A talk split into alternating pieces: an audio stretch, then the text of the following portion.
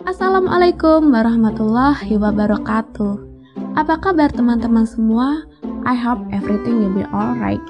Selamat datang di podcast bimbingan dan konseling bersama Indah dan Ajeng.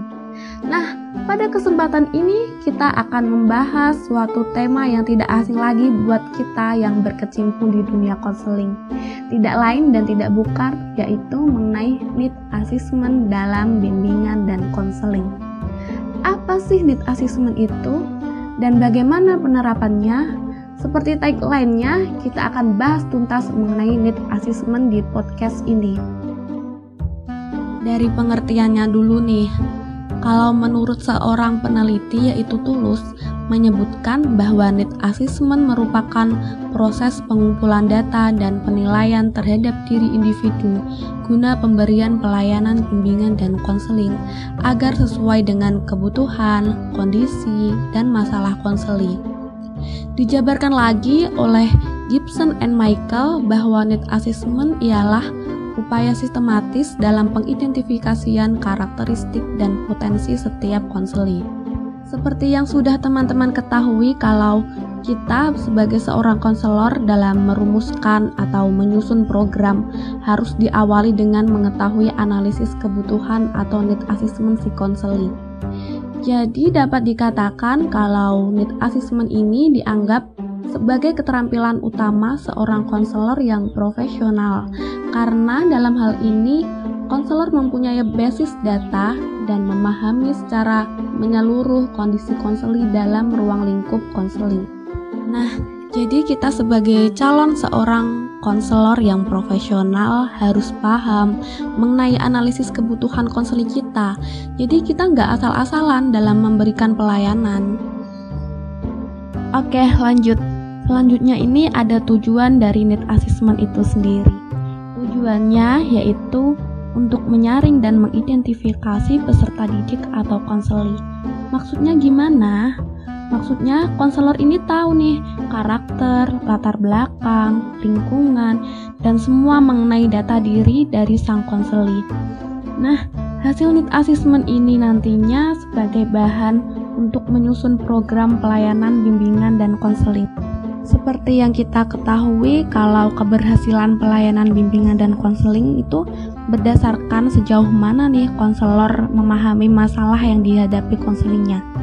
Dan tentu hal ini akan terwujud apabila seorang konselor menjalankan peran, fungsi, dan wewenangnya dalam memberikan pelayanan yang optimal melalui analisis kebutuhan secara mendalam terhadap masalah yang dihadapi konseling.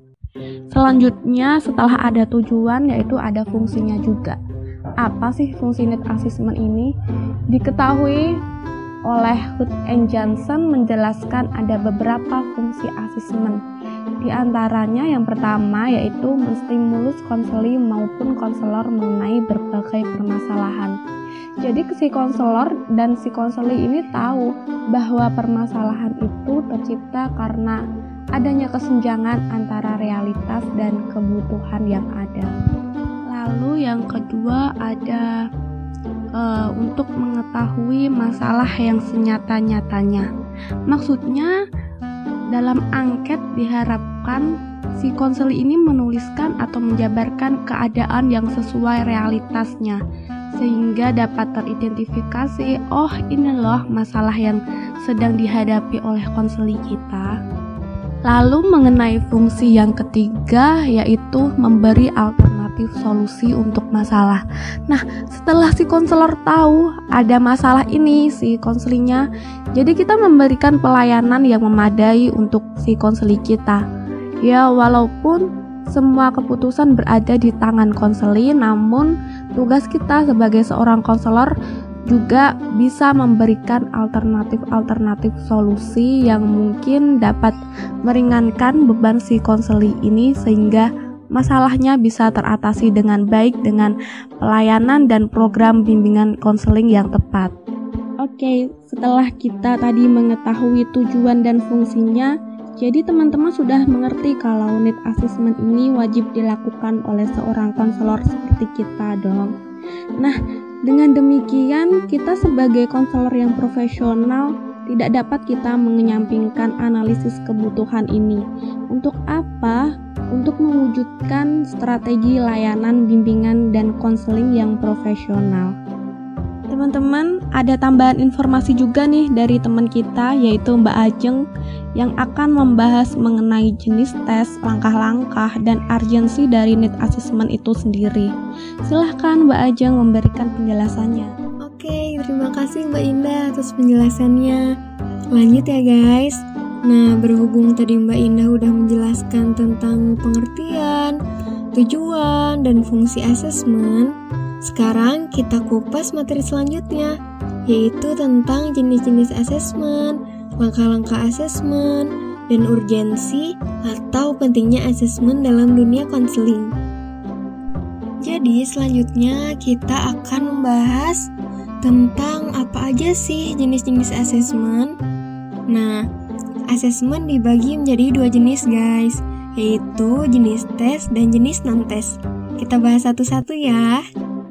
Yang pertama, asesmen jenis tes. Nah, asesmen jenis tes adalah suatu tata cara sistematik yang dibuat individu atau kelompok untuk dikerjakan, dijawab, direspon, baik dalam bentuk tertulis lisan maupun perbuatan. Nah, asesmen jenis tes ini terbagi lagi guys dalam beberapa pengetesan. Di antaranya, yang pertama adalah pengetesan bakat dan kecerdasan. Tes ini mengukur karakteristik manusia, entah itu kemampuan intelektualnya atau mental individu. Sedangkan tes bakat digunakan untuk mengukur jangkauan pembelajaran karir atau potensi performa. Yang kedua yaitu tes minat. Tes minat ini digunakan untuk mengukur kegiatan-kegiatan apa yang paling diminati para pelajar. Yang ketiga yaitu tes kepribadian. Tes kepribadian merupakan instrumen untuk mengukur karakteristik emosi, motivasi, hubungan antara pribadi dan sikap. Oke, yang selanjutnya yaitu asesmen jenis non-tes. Nah, Asesmen jenis non-tes pun terbagi lagi dalam beberapa pengetesan. Yang pertama adalah wawancara. Nah, pasti teman-teman juga nggak asing lagi kan dengan tes wawancara ini? Seperti yang kita ketahui, tes wawancara merupakan teknik pengumpulan data dengan cara berkomunikasi, bertatap muka yang disengaja, terencana, dan sistematis antara pewawancara atau konselor dengan konseli yang diwawancarai.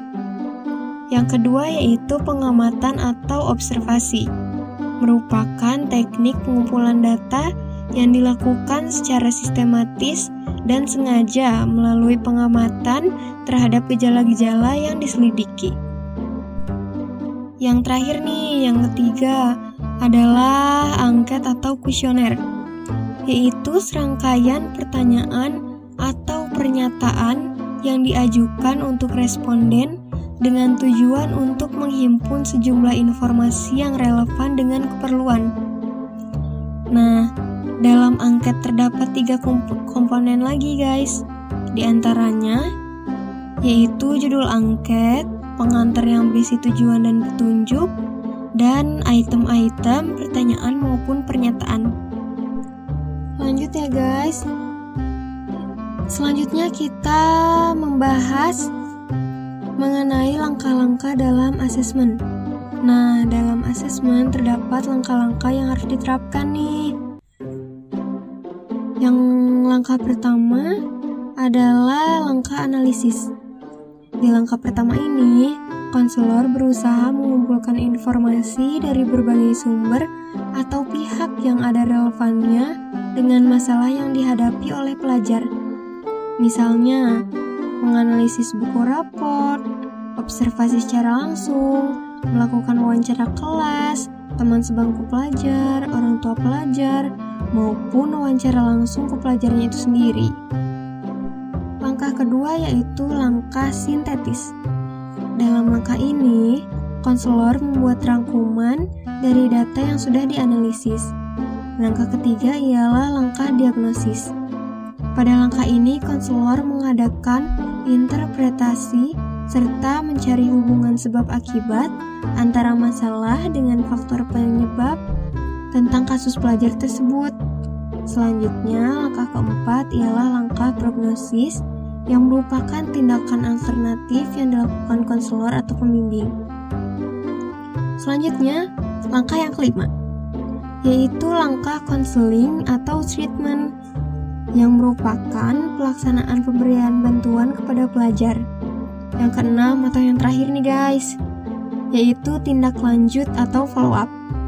Nah, dengan adanya follow up ini dapat membantu pelajar melaksanakan rencana tindakan langkah awal sampai dengan langkah akhir. Nah, berhubung materi jenis-jenis asesmen dan langkah-langkahnya sudah jelaskan, kita beralih yuk ke pembahasan yang terakhir, yaitu urgensi dalam need assessment. Nah, di sini kita akan tahu nih, seberapa penting sih asesmen dalam dunia bimbingan dan konseling ini. Nah, pertanyaan yang dominan nih, yang selalu muncul di benak kalian. Mengapa sih asesmen ini merupakan hal yang sangat penting dalam bimbingan dan konseling? Jawabannya guys, karena maksudnya karena asesmen dilakukan untuk mengukur kemampuan dan kompetensi yang dimiliki oleh seorang konseling dalam memecahkan masalahnya yang meliputi aspek kognitif, afektif, dan aspek psikomotor. Maka dari itu, pelaksanaannya harus dilakukan dengan teliti dan lebih berhati-hati ya guys. Oke teman-teman, kita udah mengupas tuntas nih tentang need assessment. Bagaimana? Sudah jelaskan pembahasan mengenai need assessment? Demikian ya penjelasan dari kita. Nah, kita harap podcast ini bisa berguna dan bermanfaat untuk kalian ya. Thank you for listening. And we hope you enjoy your stay guys. Bye bye. Wassalamualaikum warahmatullahi wabarakatuh.